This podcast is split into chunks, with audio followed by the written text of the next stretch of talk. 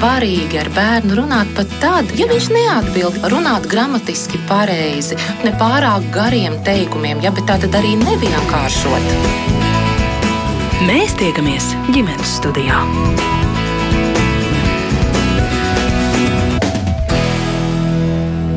Sveiciens klausītājiem! Tūlīt ģimenes studijā saruna par kliekšanu. Vai iespējams sevi izmainīt, sevi izmainīt šādu reakciju un iemācīties mierīgi runāt gan ar bērniem, gan partneri?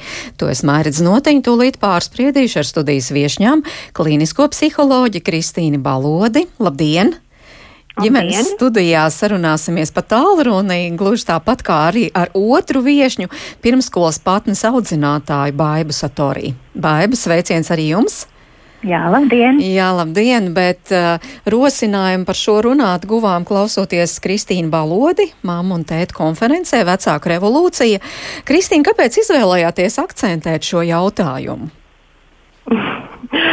nu, es teikšu, kā ir daudzus, daudzus gadus tomēr pavadot. Um, pavadot kopā ar cilvēkiem, klausoties viņu dzīves stāstos un, un viņu pārdzīvojumos, es teiktu, ka viena no tādām ievērojamākajām vainas apziņām koncentrējas ap šo kliekšanu uz saviem tuvajiem cilvēkiem, nespēju emocionāli sevi um, kā lai saka, vadīt un, un atdalīt varbūt to uzvedību, kādu mēs paši ļoti bieži saredzam, kā vēlamu un, un labvēlīgu no tā, kā mēs jūtamies.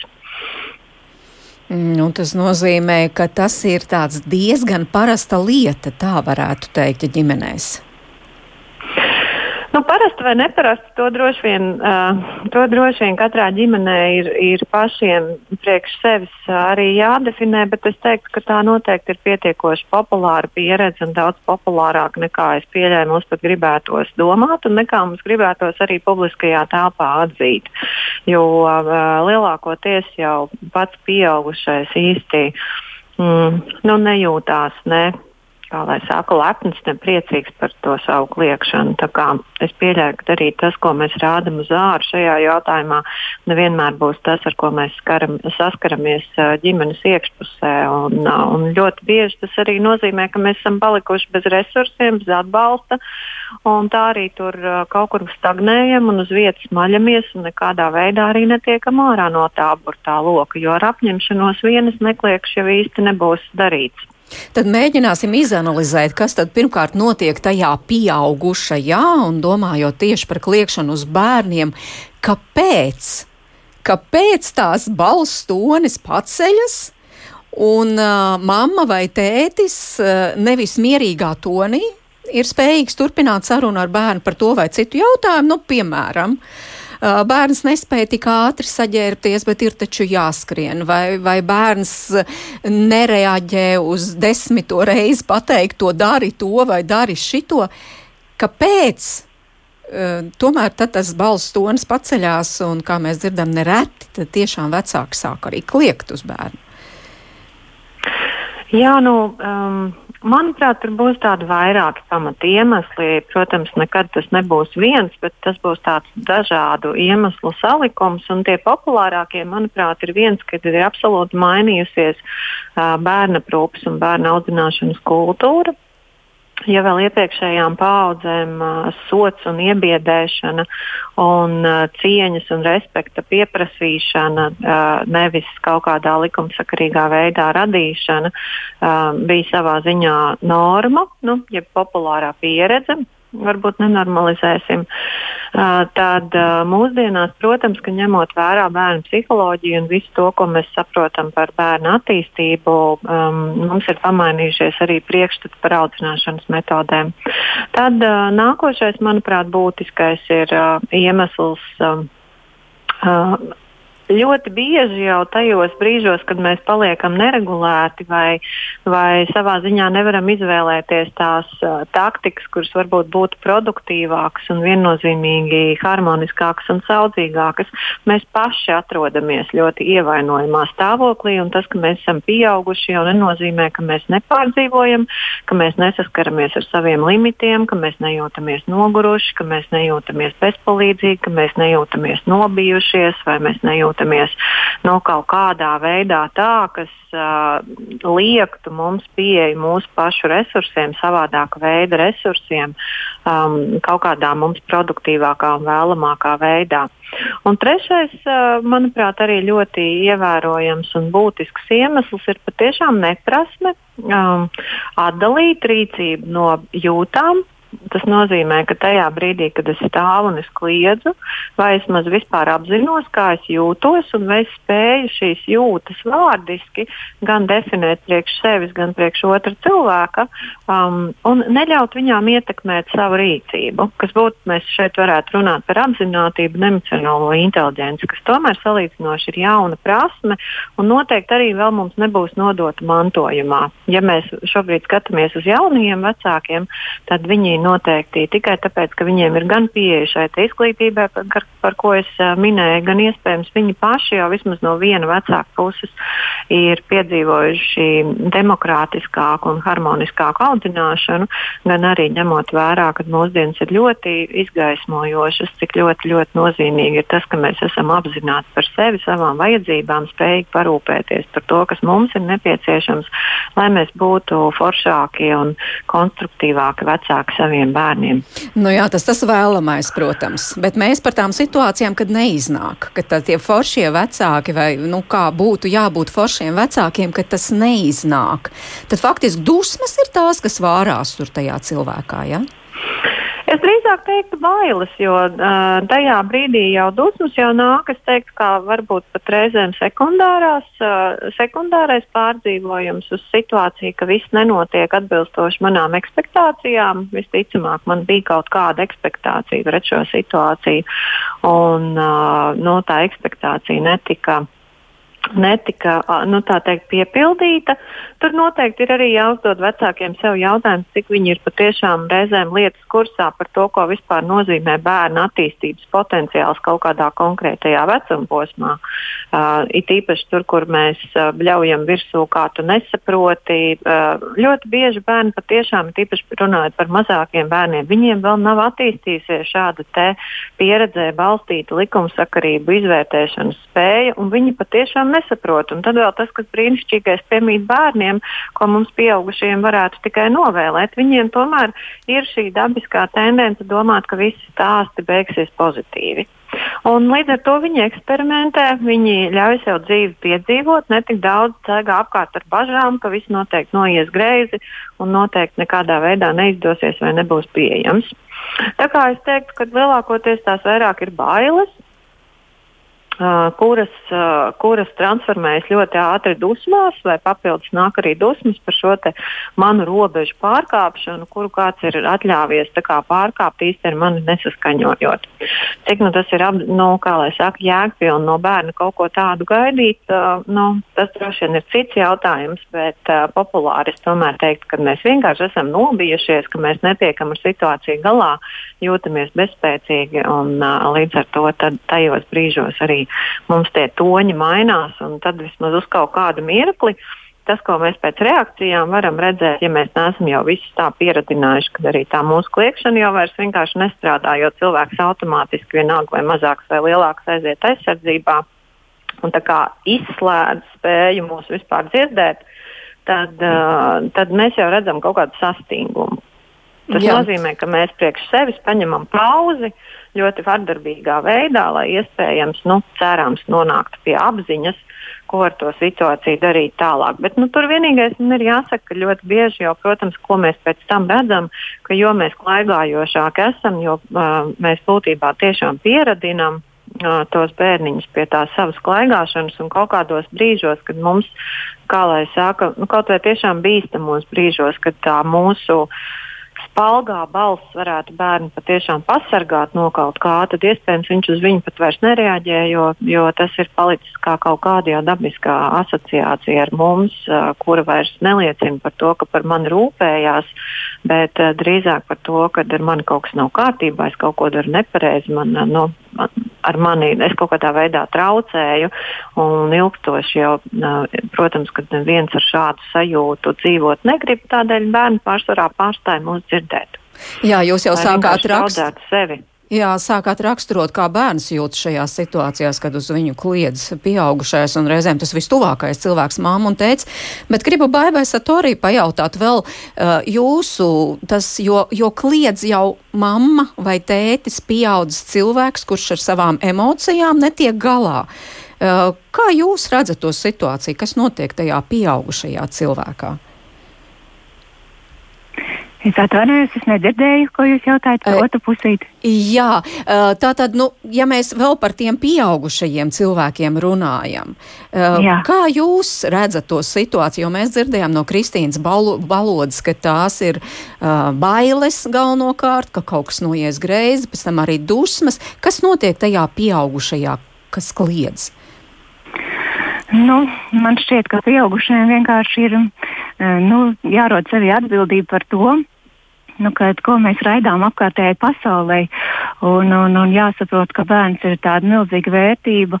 Un, un mums ir jāprot uh, savu reakciju, uh, nu, kaut kā analizēt un saprast, vai tā dod kādu labumu vispār, un vai tā kliekšana dod kādu labumu, vai viņa kaut ko atrisina. Un, un, un pēc manas pieredzes var teikt, ka man šķiet, ka viņi neko neatrisina un, un nekāds labums uh, no tā nav. Tāpēc jāmeklē tie citi risinājumi. Nu, kā veidot tās atlie, mhm. attiecības tā, lai varētu iztikt bez tās kliekšanas. Bet jūs teicāt savā. par savu pieredzi, tas ir par savu mammas pieredzi vai par savu kā bērndārza audzinātājas pieredzi? Nu, vispār jau pieredzi varētu no attāluma sākt, kad es atceros, kad es pati gāju bērnu dārzā un, un atceros, kā es jutu, kad uz mani bļāva vai breica, vai kad, kad gāju skolā, kad es vēl izbaudīju tos, kad skolotāji atļāvās bļaut uz, uz bērniem un kādas bija manas sajūtas pret to, uh, uz to brīdi, kad es sastingstu vienkārši un nespēju normāli funkcionēt un nezinu neko domāt, nekā kustēties, uh, nu, saprotot, kad kādā brīdī uz mani var kliegt. Un tā kā es saprotu atceros to, kā es jūtos, tad tad es savā dzīvē nevēlos neko tādu mm, ra radīt vēl vairāk, ja, jo nu, mēģinu, mēģinu saprast to, kā es varu savādāk rīkoties, lai man nebūtu tas jādara. Un tieši tas pats arī manā profesijā, uh, satiekoties ar bērniem. Uh, es mēģinu sevi kontrolēt, un, un, un, un, un arī savas reakcijas kontrolēt, tāda kliekšana pilnīgi nekā, nekādu labumu nedod. Kristīna, jūs arī teicāt, galvenokārt tad te jau no jums abām dzirdēja, tā ir tāds sastingums, iekšējs sastingums bērnā, kad uz viņu kliedz. Jā, nu es teikšu, ka tas jau nav tikai bērnā. Nu, mums jau lielākoties intuitīvi, vai, gan bērnībā, gan arī pieaugušā vecumā, viennozīmīgi ir skaidrs, ka tā, tas, tā ir tā situācija, kad jebkurā gadījumā kontakts jau nav iespējams un nekāda doma apmaiņa jau jebkurā gadījumā nenotiek. Tur notiek vienpersoniska cilvēka izpaušanās. Un, um, es tomēr vēl varbūt uh, klausoties gribētu piebilst, ka uh, Man tomēr kaut kā gribētos ticēt, ka uh, tajā brīdī, tad, kad mēs kā vecāki atļaujamies pārkāpt šīs bērnu robežas, uh, tas nav gluži tāds, vismaz biežākajā gadījumā, brīdis, kad mēs tā ļaunprātīgi gribētu nodarīt tiem saviem bērniem pāri. Bet mums viennozīmīgi ir pašiem tā sajūta, ka mums to resursu nav. Un tajā brīdī tas, ko mēs varam piedzīvot, ka ļoti bieži um, tā situācija nebūtu nav tik viennozīmīga. Jo, kad mēs sākam to savu balsi lietot, mēs zināmā mērā dabūjam gan sev to pauzi, gan arī tādu iespēju emocionāli izventilēties.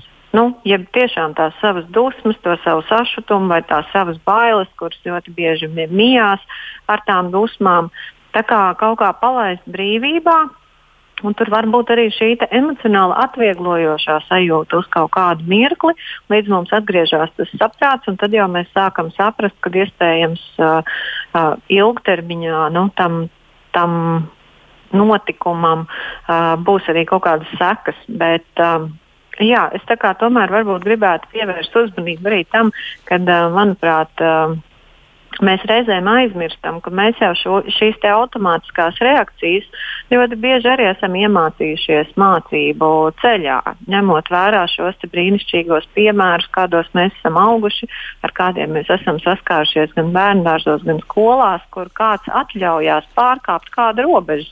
Un līdz ar to mums ļoti bieži nemaz nav šī iekšējā impulsa, um, kā lai saka, tā labi trenēta, kad mana pieredze jau attiecās vispirms uz mani, un tikai tad man viņu vajadzētu kaut kādā uh, nu, vēlams harmoniskā veidā nokomunicēt ar otru cilvēku, bet mēs atrodam tajā brīdī laiku un telpu sev saregulēties. Un es teiktu, ka lielākoties mēs nevaram novērot arī savā pieredzē šādu prasmi un neprasmīgam cilvēkam teikt, kāpēc tu skaisti neglezno, ja viss, ko viņš māca, ir paņemt uh, rokās otru un ie, iemērkt uh, nu, krāsu tulbiņā, tad uh, nu, tur arī īsti nebūs iespējams tā atbalstošākā tā attieksme arī par to vecāku domājot, ka viena lieta ir, ir mums visiem smuki runāt par to, ko vecākam vajadzētu, bet otra lieta ir arī piedāvāt vecākam to laika telpu, kad viņš var tīri, nu, kā lai saka, tieši tāpat kā bērns mācīties šo emociju regulēšanas prasmi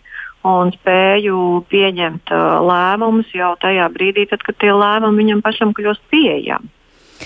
Jā, paldies arī klausītājiem, kur jau iesaistās mūsu sarunā, laipni aicināt, un, piemēram, Andris mums rakstā, jūsu viešņi varētu padzīvot kādu laiciņu ar maniem dēliem, tad gan es paskatītos, kā viņi tiktu galā bez kliekšanas. Visi mati būtu gaisā un dzīvot uz nervu zālēm. Vai viņai pašai vispār ir dēli? Nezinu, kurai no jums tas ir jautā, tiek jautāts, eh, jautāšu gan Kristīnai, gan Baibai atbildēt uz šo jautājumu. Kristīna. Jā, nu man ir dēls. Uh, bet es domāju, ka šajā gadījumā tas nebūtu tik daudz par dēliem vai meitām, manuprāt, bet arī par personībām ar dažādiem temperamentiem, kuras aug mūsu acu priekšā un ir mierīgākas personības un salīdzvarotākas, nu, kā lai saka, ar stabilāku nervu sistēmu jau no bērnības, un ir personības, kuras jau no bērnības ir arī ar nestabilāku nervu sistēmu. Tas nenozīmē, ka viņas ir kaut kādas nepareizas. Vienkārši mēs ātrāk aizsvilstamies un līdz ar to ātrāk pāriet un nomierināsim tajā brīdī, kad notiek aizsvilšanās, troksnis var būt pietiekoši liels, un, protams, kad ja mums tas pulciņš apkārt ir, ir košāks un krāšņāks, tad skaidrs, ka tas viss summējās. Bet, uh, būtībā jau es tomēr pievērsīšu arī klausītāju uzmanību, kad uh, nav jau tā, ka tie bērni mums nokrīt no gaisa. Mēs tomēr tos bērnus radām, un manuprāt, tad, kad mēs um, tos bērnus radām, vai tajā brīdī, kad mēs viņus jau esam saradījuši, tad tur nebūs arī nekā pašsaprotama, ka mēs tā automātiski kļūsim par tādiem salīdzvarotiem, noturīgiem, emocionāli noturīgiem uh, vecākiem, kuri ir arī pret to, troksni savā ziņā noturīgi un kuri ir spējīgi tajā brīdī vērot saturu, nevis vērtēt formu. Mm -hmm. Jo būtībā jau tajā, ka bērns lieto savu balss aparātu un tajā, ka viņš definē, kuros brīžos brīžos to ir pieņemami vai nav pieņemami uh, lietot, jau tikai ir savā ziņā veselīgi apstākļi, kādos bērnam arī nu, augt un attīstīties. Viņam nevajadzētu baidīties pašam no savas balss. Savukārt mūsu spēju saglabāt uh, mieru trokšņu apstākļos, es domāju, uh, nu, tas arī ir tāds treniņa jautājums. Bet, uh, kā lai saka, aug vidas izaicinājumi, nav jau arī mūsu tas spējas. Es domāju, ka tie vecāki, man personīgi ir vairāk bērni. Un mēs esam daudz bērnu ģimene. Tad, protams, kad es teikšu arī no savas pieredzes ar laiku, mēs jau tā kā iemācāmies gan paņemt sev to iekšējo klusumu mirkli, lai tas ārējais troks mums tik ļoti netraucētu.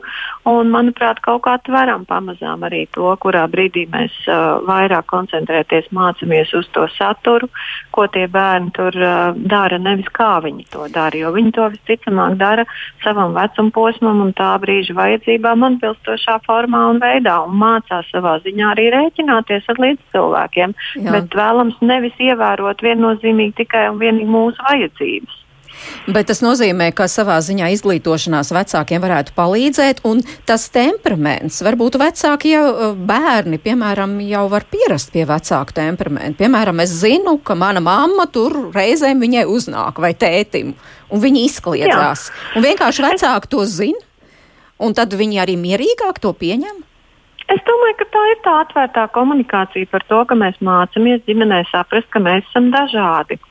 Un ka mēs pilnīgi mierīgi varam par to arī aprunāties un, un kā lai saka, iedrošinot viens otru, atļauties būt un mācīties arī rēķināties viens ar otru, ka iespējams tam, kurš tai savā, kā lai saka, kurš aizsvilstās ātrāk, pamazām ir iespēja no tiem, kur aizsvilstās lēnāk, mācīties, nu, kā lai saka, saregulēties.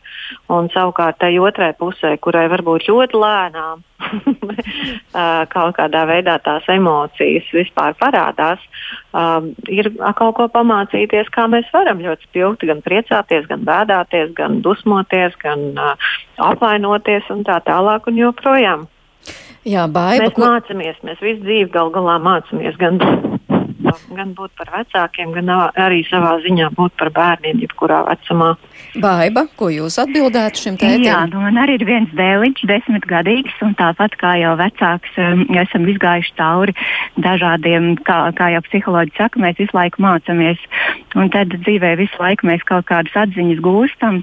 Un es uh, dzīvojot arī saprotu, ka manās interesēs un arī bērnu interesēs ir veidot pozitīvu gaisotni gan telpā, gan mūsu attiecībās, nu, balstīt uz uzticēšanos un savstarpēju patikšanu, nu, lai mums kopā ir emocionāli droši un interesanti piedzīvot katru dienu.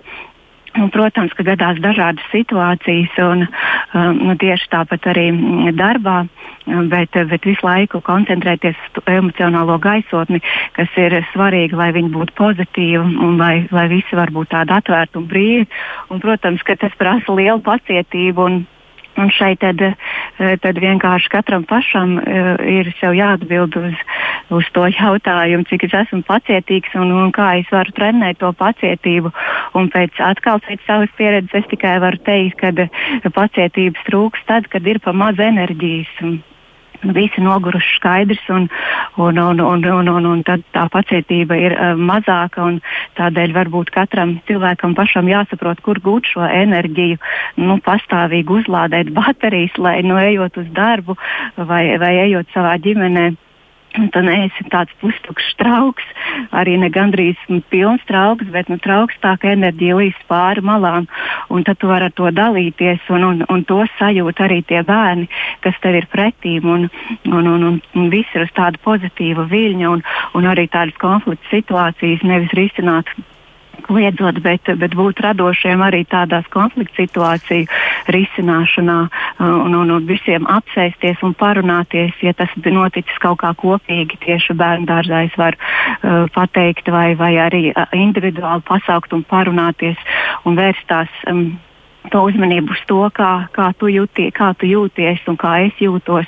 Un kā būtu, ja mēs darītu tā, tad kā mēs justos, to izrunāt to situāciju un, un, un, un, un pievērst uzmanību, ka mēs varam justies dažādi, bet arī tā, mēs varam rīkoties dažādi un izvēlēties to rīcību tādu, lai mēs justos, um, justos labi visi um, tieši kopā bērnu dārzā kā komandā. Un, un, un, un bērniem jau no mazotnes, ja mums neviens neaudzināja to emocionālo inteliģenci, tad jau viņiem jau parādīt, ka mēs esam dažādi, mums var būt dažādas emocijas, dažādas arī var būt mūsu rīcības uh, un tādējādi attiecīgi. Attiecīgi mēs varam to pasauli veidot vai no labiem darbiņiem, kā es bērniem saviem stāstu, vai ar tādiem darbiņiem, nu, kas uh, rada tādas bēdas, vai tādiem, kas rada prieku. Un, un tad, protams, mēs dzīvojam tādā priecīgākā un laimīgākā pasaulē. Jā, mūsu klausītāji daži uzskata, ka tā ir tāda ideāla pasaule, par kuru jūs tur runājāt, un, bet Anna mums klausītāji norāda, jā, bļaušana ir šausmīga. Esmu jau 42 gadus veca, mājās šad tad bļāva tēvs, un es vienmēr sabijos, tā kā pat mazliet pie apslapināja bikses. Skolā arī varēja skolotāju kliegt, un kā domājiet, kāda tāda pati reakcija. Un vienreiz ziemā nācu mājās lapjām zeķubiksēm un saslimu.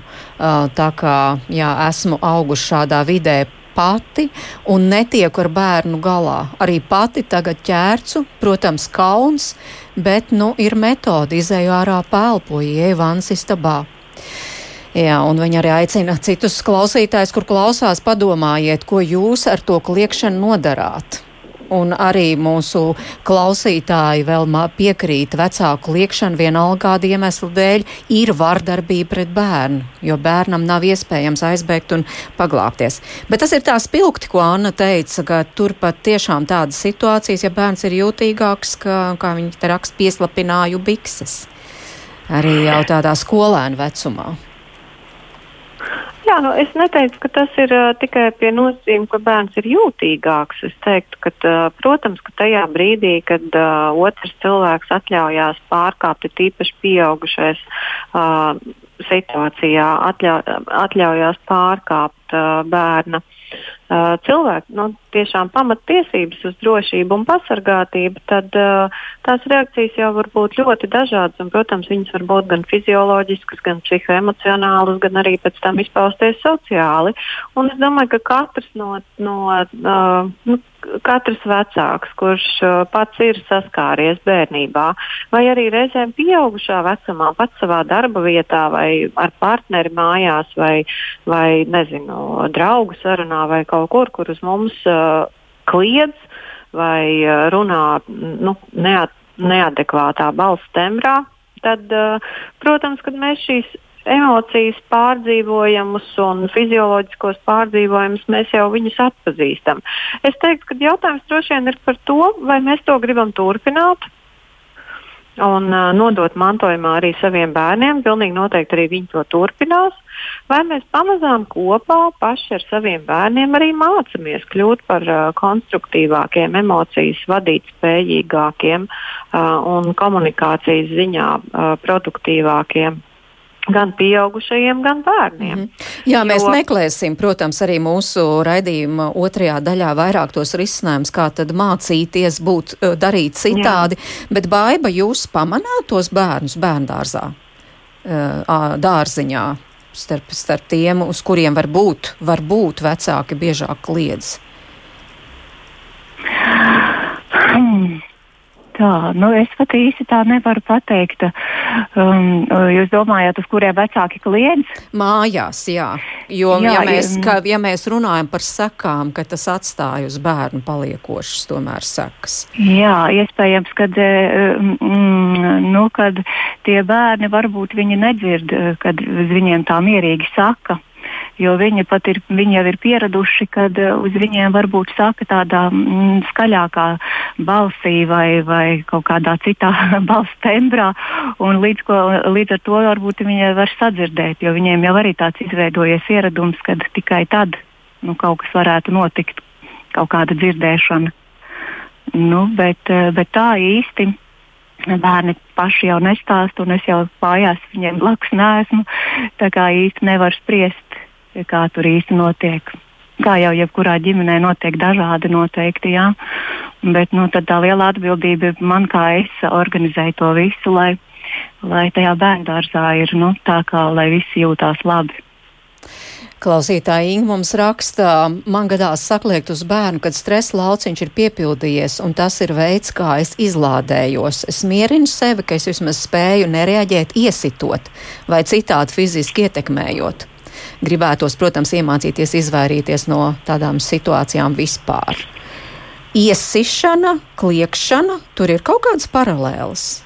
Vai, vai pēc tās kliekšanas tas jau ir nākamais solis, iesišana, Kristīna? Es teiktu, ka tam nebūs noteikti viennozīmīgi kaut kādas vienmēr, uh, kā lai saka, mm, vienveidīgas secības, bet uh, ja mēs tomēr paskatāmies līdz tam brīdim, lai es nonāku līdz fiziskai var, no vardarbībai, līdz sišanai, visticamāk jau to pavadu tomēr kaut kāds emocionāls noskaņojums, ar kuru es netieku galā, vai kaut kāda vēlme. Reizēm arī paust savu varu vai varēšanu, vai, vai kaut kādā veidā apliecināties tajā situācijā. Bet uh, es neteiktu, ka viena vardarbība ir mazāk sāpīga kā otra. Tā kā savā ziņā pat varētu to vienlīdzības zīmi likt. Es domāju, ka tur nav nekādas vajadzības neko vedierņā satarēs nolīdzināt, bet uh, jebkurā gadījumā viņas abas divas ir pietiekoši sāpīgas. Jā, un tad mums vēl raksta, kāda māma vecāka liedz uz bērniem, jo viņi vēlas savus bērnus savādākus nekā viņi spēja būt konkrētajā vecumā.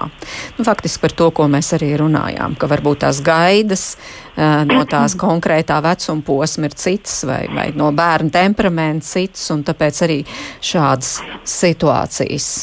Bet, kā raksta mums mamma, rezultātā bērns tiek iebaidīts un uz visu mūžu to atcerēsies un jā, baidīsies melot vecākiem.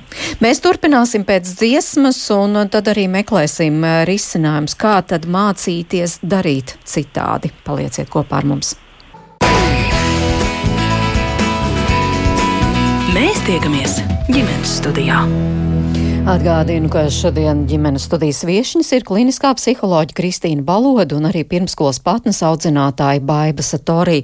Mēs par kliekšanu un acīm redzot ir grūti precīzi izmērīt to temperatūru sabiedrībā, kā tad ir ar kliekšanu, cik bieži kliedz vecākus saviem bērniem, bet eh, ģimenes studija pirms raidījuma šo pajautāja Facebook atsaucīgo māmiņu fórumu dalībniecēm un, protams, nepretendējam uz kādu vērā ņemam aptauju, bet vismaz tās tās mammas, kuras atbildēja, tur rezultāti bija šādi, ka 62% gadījumu tomēr uh, atzīst sievietes, ka esmu temperamentīgi, gadās sakliekt, bet protu atvainoties vai arī reizēm dusmās sakliedz, un tas ir vēl 25%, un tad tikai kāda 15% no aptaujā tiem, kas piedalījās, saka, ka nekliedz uz saviem tuvākajiem uh, gadās sakliekt, bet ne uz bērniem. Un, piemēram, Zāne raksta, nekliedzu, nekad neesmu kliegusi, jo neizprotam jēgu. Uh, ja ar cilvēku runā, tad visu var normāli sarunāt arī ar bērniem un pat arī ar tīņiem. Un līdzīgs arī Kristīnas viedoklis nekad nekliedzu un kliedzošs cilvēks ignorēju. Vienkārši pagriežos un eju projām. Nerus vajag ārstēt un, kad tas izdarīts, tad iet kontaktēties ar cilvēkiem. Bet nu ir arī šie pretējie pieredzes stāsti, tātad kliedzu un, piemēram, Laura raksturo, raksturo vienu situāciju, kad tā viņas ģimenē notiek. Nu, lūk, viņa rakstā. Viņa savai tīnei, kurai Ievai šobrīd 13 gadi saka, lūdzu, sakārto savu bardaku. Saka otrais, lūdzu, sakārto savu bardaku. Un tad e, trešo reizi, un tad jau tas tonis stipri ir paaugstinājies, lūdzu, sakārto savu bardaku. Un tad meita atbild, nu, nevajag jau bļaut. Es arī pirmajā reizē labi dzirdēju, un kad Laura jautā, kāpēc tad neatbilda, meita atbild, negribēju. Nu jā, nu tāda lūk situācija no dzīves. Kā Kristīna, varbūt jūs varētu pakomentēt, kā, kā, kā nepacelt balsi tajā trešajā reizē? Nu, nu, nekas jau mums cits neatliek, kā patiešām mācīties uh, regulēt tās savas emocijas un saprast, ka vai mēs pacelsim vai mēs nepacelsim, tas droši vien ir vienkārši komunikācijas kultūras jautājums, kur mēs gribam ģimenē uzturēt vai neuzturēt. Jo noteikti, ja mēs paskatītos, uh, varētu veikt kaut kādu tīri statistiku, vai tas, ka mēs esam uh, uzturējuši šo te divreiz nekliedz trešajā kliedzu, tomēr beigās nerezultējās, ka tas bērns vienkārši ir pieradis pie tā, ka ir jārēģē tikai uz to mūsu kliedzošo um, kliedzošo reakciju, uh, tomēr nebūtu nu, pietiekoši novērojams. Bet, ja mēs pamazām mācāmies uh, atkāpties no šīs kliēkšanas vienkārši kā no metodes, saprotot, ka ne jau tas nodrošina. Un iespējams, ka tas arī nav tas, kādēļ es gribētu, lai tas bērns to istabu sakārto, ka viņš to istabu kārto tikai tā iemesla dēļ, ka viņš negrib tolerēt manu kliēkšanu. Bet iespējams, tad mēs uh, mēģinām uh, neskaitāmas reizes uh, runāt par kaut kādu kārtības, tīrības kultūru, kādu mēs ģimenē varētu uzturēt. Uh, uh, rēķināties ar to, ka pusauģu vecums būtībā ir vecums, kad, uh, kā lai saka, bērns mācās definēt pats savas robežas un vērtības. Un, un, uh, nu, tas ir tāds kaitinošs savā ziņā pieaugušam cilvēkam ar nelīdzsvarotu nervu sistēmu vecuma posms, kad neviens tāpat bez argumentācijas mūsu pavēles vērā neņems. Bet uh, savā ziņā tas ir arī vecuma posms, kurš mums kā vecākiem uh, rāda, ka mūsu autoritātes laiks ir beidzies Un tad, kā mēs, protams, palaist harmoniski vaļā šo savu autoritāti, saprotot, ka nu, mums ir dialoga laiks. Un, un, ja mums nav bijusi iestrādes jau pirms ar bērnu veidot dialogu, tad visticamāk, tajā pusauģa vecumā, protams, ka tev būs loģiski grūti pēkšņi sākt izveikt, bet labāk kaut kad nekā nekad. Baibas viedoklis tad citādi varētu vienkārši izskaidrojot pusaudzei, kāpēc tad, nu, vajadzētu to istabu sakārtot. Piekrītat? Jā, Un tā tā reakcija būtu citāda. es piekrītu, ka sarunai noteikti ir jābūt, bet um, te, viņai jau bija jābūt jau tādos trijos, četros gadiņos, kad, um, kad ir tā attieksme, um, kad saprot, kad mēs visi izrunājam un, un, un kad mamma tev palūdza. Tad eh, tu sajūti, kā mamma jūtās eh, tajā brīdī, kad tu viņu vispār nedzirdēji, vai, vai nu, vienkārši runāt par tām sajūtām, kā es jūtos, ka tu mani nedzirdi un ka man trešo reizi ir jāsaka, un, un tikai tad tu mani dzirdi, jo, jo ieja tā empātijas tās spējas, mm, tā, kad mm, viens otru sajūt un, un, grib tikai labu viens otram mm, tieši arī ģimenē. Tas jau veidojas no mazotnes, man liekas, un, un laicīgi jau runāt un, un, un izskaidrot. Jānis mums raksta. Uh, nu, piemēram, tātad, ja mans bērns uz mierīgu aizrādījumu nereaģē, piemēram, nesist kaķim, tad es nedrīkstu uzkliegt. Tad es skaitos varmāka? Tā viņš jautā. Um. Eh, es pieļauju, ka eh, šajā gadījumā mēs nevarētu Jāni uh, definēt kā varmāku, bet viņa rīcību gan mēs iespējams tomēr varētu definēt kā vardarbīgu. Jo, un, un tur droši vien ir vairāk jautājums nevis par to, vai es esmu varmāka vai man rīcība ir vardarbīga, bet vai tā ir ko, komunikācijas vērtība, komunikācijas kultūras vērtība, kuru es gribu nodot pats savam bērnam. Bet bērns nu, jo... šajā situācijā ir vardarbīgs pret dzīvnieku. Jā, bet bērns šajā situācijā visticamāk arī mācās apzināties robežas. Cik daudz atļaujoties, man apkārt kādam jau tas sāk sāpēt, un iespējams šis izskaidrojošais darbs uh, uh, būtu daudz produktīvāks, nevis iebiedējošais. Bet uh, izskaidrojošais, ka tam kaķītim droši vien tur ir kaut kādas uh, sajūtas un pārdzīvojums par šo. Bet, uh, vai kam mēs uzliekam uzsvaru. Vai mēs uzliekam uzsvaru vienkārši uz uh, automātisku situācijas pārtraukšanu, un jau viens nekādas secinājumus nebūs izdarījis. Vienkārši nogaidīs visticamāk, ka nākošais tēcis neredz, kad es to kaķi tur raustu. Vai uh, mēs kaut kā pareflektējam par to un saprotam, ka reizē mūsu rīcība um, sāpina Vienalga, vai tas ir dzīvnieks vai tas ir cilvēks, un tā mēs mācāmies empatizēt viens otram. Bet bez šīm sarunām mūsu komunikācijas kultūra nekad nebūs savādāka. Un ļaušana un biedēšana noteikti tādu neveidos. Nu, tā tad atkal izskaidrošanas darbs, kas būtu produ, produ, produktīvāks nekā uzkliekšana. Bet baim, tad varbūt jūs varat atbildēt Monikai. Viņa jautā, ko darīt, lai noturētos un nekliegtu. Mans sešgadnieks liekas ir tik spītīgs. Es, protams, nekliedzu katru dienu, bet katru reizi ģērbjoties, uh, kamēr nekliedz, viņš neģērbjas. Jā, nu, nu, vienkārši pacietīgi, visticamāk, atkal eh, runāt un skaidrot. Eh, jeb, jeb kādus meklēt kaut kādus radošus uh, risinājumus, nestandarta. Uh, kā rezultātā uh, viņš visu laiku pieredz, ka viņus kliedz, uz, uz viņu kliedz, bet pilnīgi kaut ko izmēģināt citu. Nu, piemēram, ko jūs ieteiktu tādā situācijā, kas varētu būt tas cits? Nu, viņš neģērbjās, jā, un. Un, un, un neiet ārpus mājas. Nu, tad varbūt atkal pirmais jau runāt, nu, kā, kā ir, ka mēs tagad nesiģērbsimies un kur mēs aiziesim un nekur neaiziesim.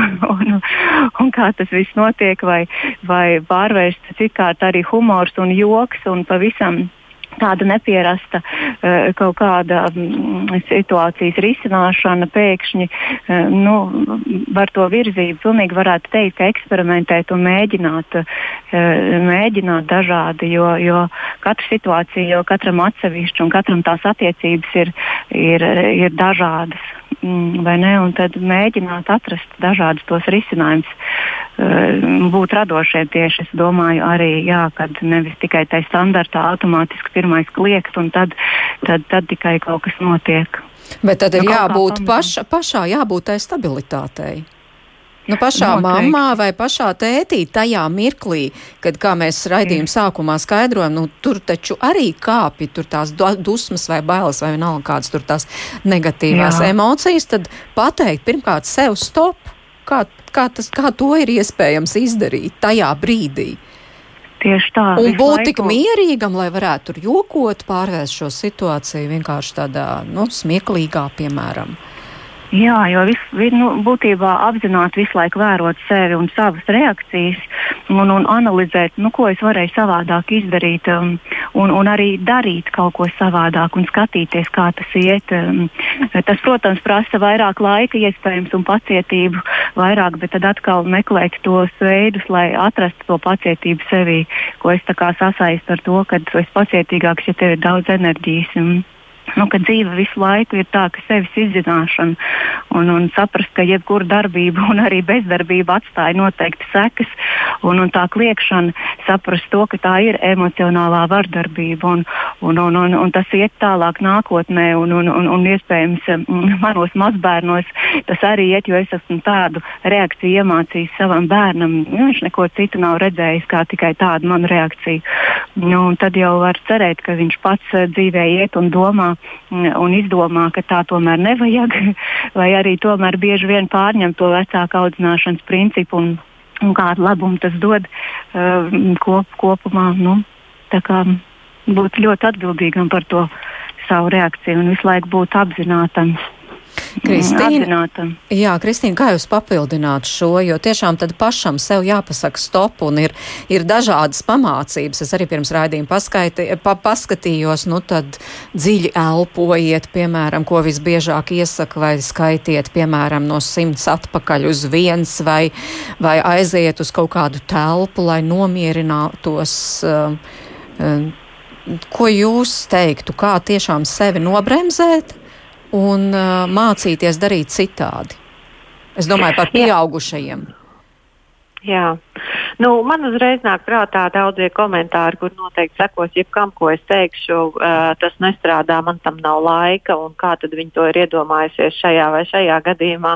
Bet uh, tas, ko es varbūt gribētu drīzāk pateikt, tos, uh, tās tehnikas patiešām tur nav, tā, tā nav nekāda ģīnas ābece, un, un patiešām iegublējot, uh, iegublējot jūs atradīsiet uh, ne tikai 10, bet arī 20 variantus, kā sev palīdzēt.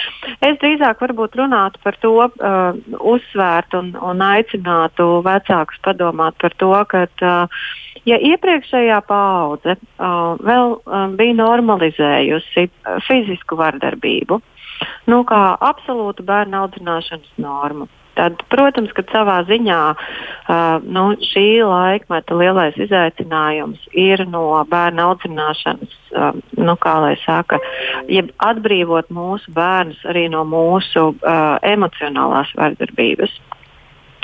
Un, manuprāt, tad, ja mēs šādā veidā paskatāmies, ka tas, protams, nav nevienas dienas jautājums, ne arī vienas reizes, nu, kā lai saka, apstiprinājums, tehnika dara vai nedara, bet tāda ilgtermiņa pieredze, kur solīti pa solītim, pamazām arī sevi nekritizējot un ārkārtīgi sevi nenosodot, bet varbūt drīzāk, ja es jūtu, ka es pati vai pats netieku galā, tad es eju kaut kur, kur man palīdz to mācīties, vai es eju, piemēram, kaut kur, kur ir vieta manām emocijām, manām nedrošībām, maniem pārdzīvojumiem un griežos pēc palīdzības un atbalsta. Jo arī pieaugušs cilvēks mēs neesam perfekti, nekad tādi neesam bijuši un tādi arī nebūsim. Un arī mūsu bērniem būs traumas un pārdzīvojumi, un arī viņu bērniem vienmēr tādi būs, jo pasaule paliek labklājīgāka un līdz ar to arī mūsu pašu prasības pret attiecībām, arī pret attiecībām pret bērniem un to, kāda mēs esam vecāki saviem bērniem, ko mēs gaidām, kādu miedarbību ar bērniem mūsdienās, tas viss nepārtraukti mainās. Man liekas, šis atskaites punkts. Uh, ko es gribu turpināt, un kas būs varbūt tas pirmais solis, varbūt tur klūp teicu, kritu un apberzos un apdaudzījos, bet tomēr pirmais solis tajā virzienā, kāda veida dzīvi es gribu piedzīvot kopā ar savu bērnu un kādu dzīvi es viņam novēlu, lai viņš varētu turpināt un vēlams, ka es kaut kādu sēklu tur iesēju, ka es kaut kādā veidā biju klātesoša tajā brīdī, lai šī komunikācijas kultūra un mūsu visu tāda emocionālā un attiecība labklājība varētu augt un attīstīties. Jo mēs jau nepaliekam par, kā lai saka, arī tādiem neciešamiem partneriem vienā dienā. Tas, ko es gribētu piebilst no, no arī no savas darba pieredzes strādājot ar pāriem no partnerattiecību jautājumiem. Lielākoties tās ir tie attiecību komunikācijas modeļi, kurus mēs pārnesam no savām attiecībām ar vecākiem, savām attiecībām mm. ar partneriem. Un visticamāk, ja es kliedzu savu bērnu, es kliedzu arī uz savu partneri, un visticamāk, ja es esmu ļoti nokontrolējusi sevi, nevis attīstījusi sevi jaunas prasmes un iemaņas, gan emocionāli būt atvērtai, atklātai un atrast vietu saviem pārdzīvojumiem jautājumiem, gan attīstījusi jaunas komunikācijas prasmes.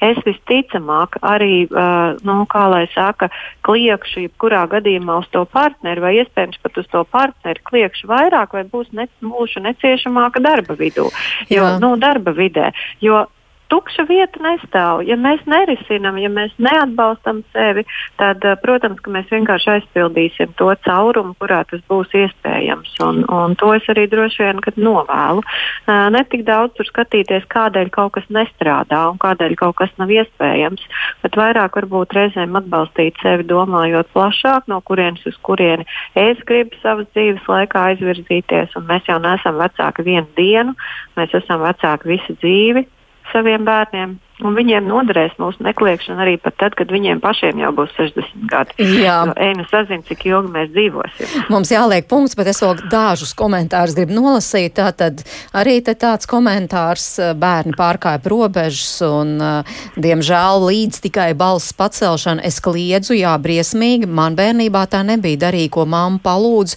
un viņai nebija uz mani jākliedz.